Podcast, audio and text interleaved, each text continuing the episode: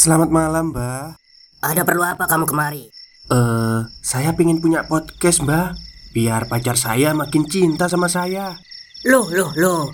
Mau bikin podcast kok tanya dukun? Sekarang kamu download aplikasi Anchor.fm. Di situ kamu bisa buat podcast gratis dan podcast kamu bisa didistribusikan ke platform mana pun. Dan di aplikasi atau website Anchor.fm juga terdapat fitur-fitur yang memudahkan kamu untuk membuat podcast. Oh, gitu ya, Mbak. Kalau gitu, saya boleh minta password wifi-nya, Mbak. Buat apa? Buat download Anchor.fm, Mbak.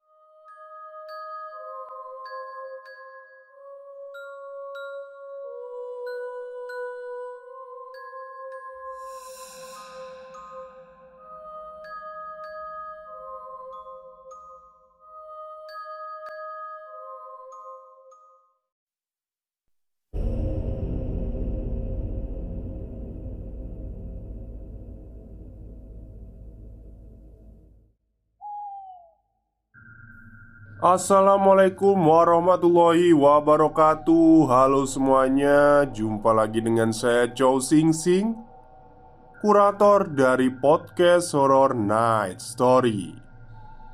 Halo apa kabar semuanya? Semoga kalian semua sehat-sehat ya. Dan seperti biasanya pada siang hari ini saya kembali Dan akan menghadirkan sebuah kisah mistis untuk kalian semua Kisah mistis kali ini saya datangkan dari tweet twitternya Mas Dio Seta Yang menceritakan uh, cerita tentang sebuah makhluk yang muncul di sebuah sumur. Dan cerita ini adalah cerita dari salah satu pembacanya yang ada di Twitter. Seperti apa kisahnya? Mari kita simak Perkenalkan, namaku Vira, anak tertua dari empat bersaudara. Hmm, bukan, maksudku dari empat bersaudari. Karena ketiga adikku juga kebetulan perempuan semua. Aku hidup sebagai perempuan biasa pada umumnya. Mungkin tidak ada hal yang terlalu istimewa yang akan kalian temui padaku. Namun, aku memiliki sebuah cerita yang jarang sekali kuceritakan pada orang lain. Sebuah cerita tentang aku dan mereka yang mewarnai masa kecilku. Kisah pertama, aku menyebutnya badut. Apa? Apa salahku? Kamu itu yang gak becus jadi istri. Aku kerja mati-matian kamu perlakukan kayak begini? Terdengar suara bapak yang tak berhenti memaki ibu. Tak berhenti sampai di situ.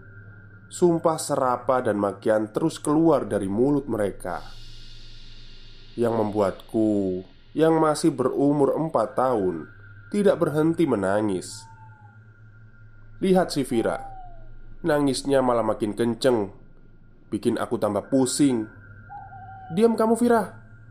Pergi sana. Daripada kamu aku pukul. Teriak ibu yang masih terbakar emosi. Entah apa yang menyebabkan mereka berdua bertengkar. Yang aku ingat saat itu Beberapa kali pukulan dari ibu mendarat ke tubuhku. Yang tak mau berhenti menangis Saat melihat pertengkaran itu. Udah cukup. Ini masalah kita Jangan bawa-bawa Vira Ucap bapak yang tak tega melihatku Semakin menjadi pelampiasan masalah mereka. Ah berisik. Kalau aja bocah ini nggak ada Mungkin sudah jauh-jauh Aku minta cerai sama kamu.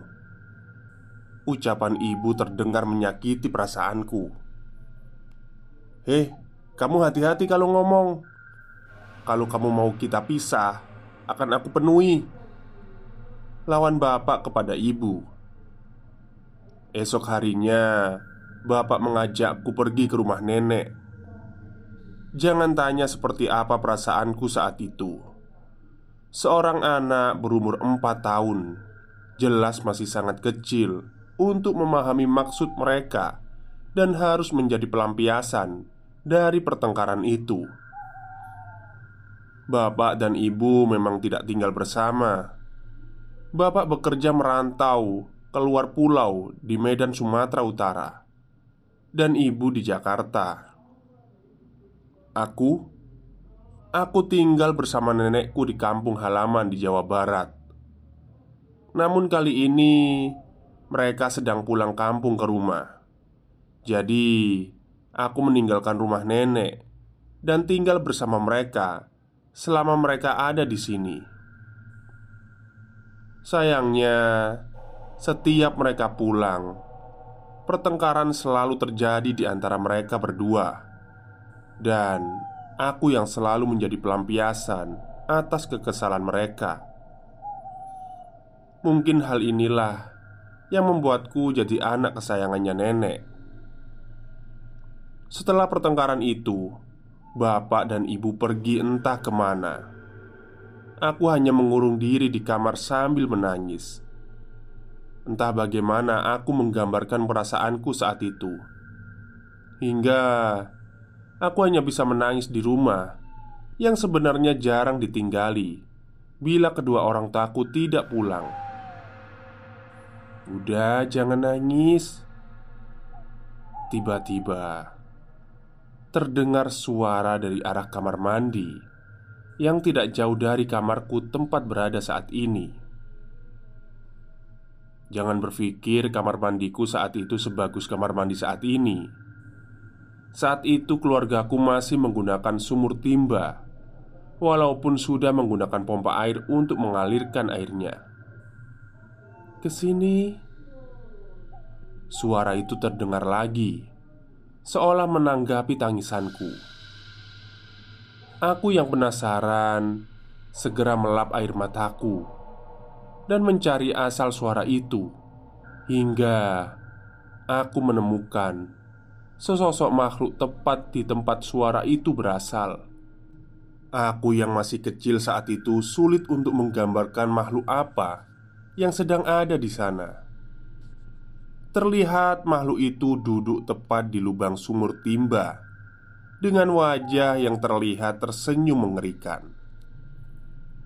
Yang kuingat saat itu Mulut dan sekitar bibirnya terlihat berwarna merah Dengan kulit yang berwarna putih pucat.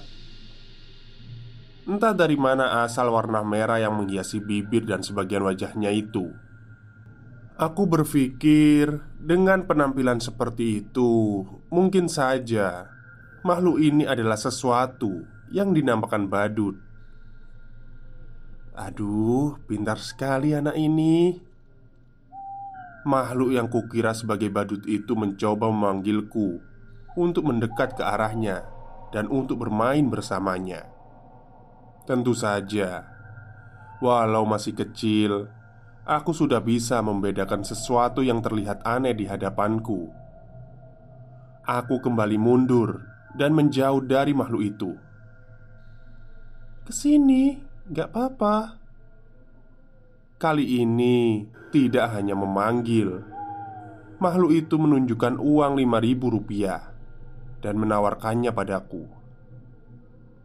Pada saat itu, uang lima ribu itu sangat besar untuk anak seumuranku, sehingga rasa inginku akan uang yang badut itu tawarkan mampu mengalahkan rasa takutku.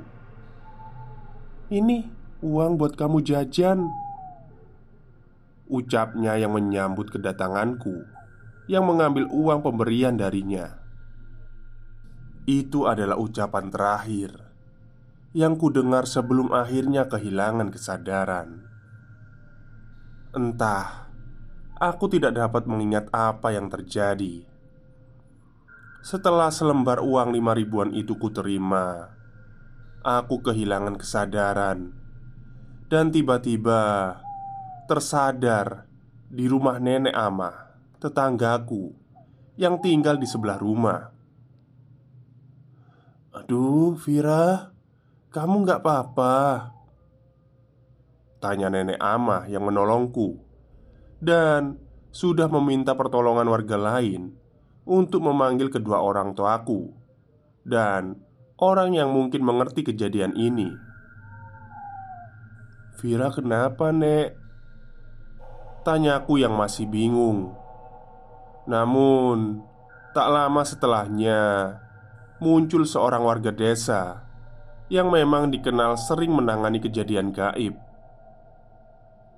Dia memberikanku segelas air putih Yang sudah dibacakan doa olehnya Aku meminum air itu Dan perlahan Ingatanku sebelum kehilangan kesadaran mulai muncul satu persatu. "Dek Vira, kamu gak apa-apa?" tanya orang itu. Aku mengangguk setelah benar-benar merasakan tubuhku yang jauh lebih baik dari sebelum meminum air itu. "Vira, kenapa? Kok sampai bisa gelantungan di sumur itu?" tanya nenek Ama. Aku mencoba menceritakan semua hal yang kuingat. Stop, stop. Kita break sebentar. Jadi gimana? Kalian pengen punya podcast seperti saya? Jangan pakai dukun, pakai Anchor. Download sekarang juga. Gratis. Tadi di sana ada yang ngajak main Vira. Jawabku polos. Namun, kali ini aku merinding saat mengingat wujud makhluk yang mengajak aku bermain itu. Vira kenal sama yang ngajak main. Tanya nenek Amah lagi. Enggak, Vira nggak kenal. Jawabku lagi. Kalau nggak kenal, kenapa Vira mau diajak main? Nenek Amah mencoba menggali lebih dalam tentang apa yang sebenarnya terjadi.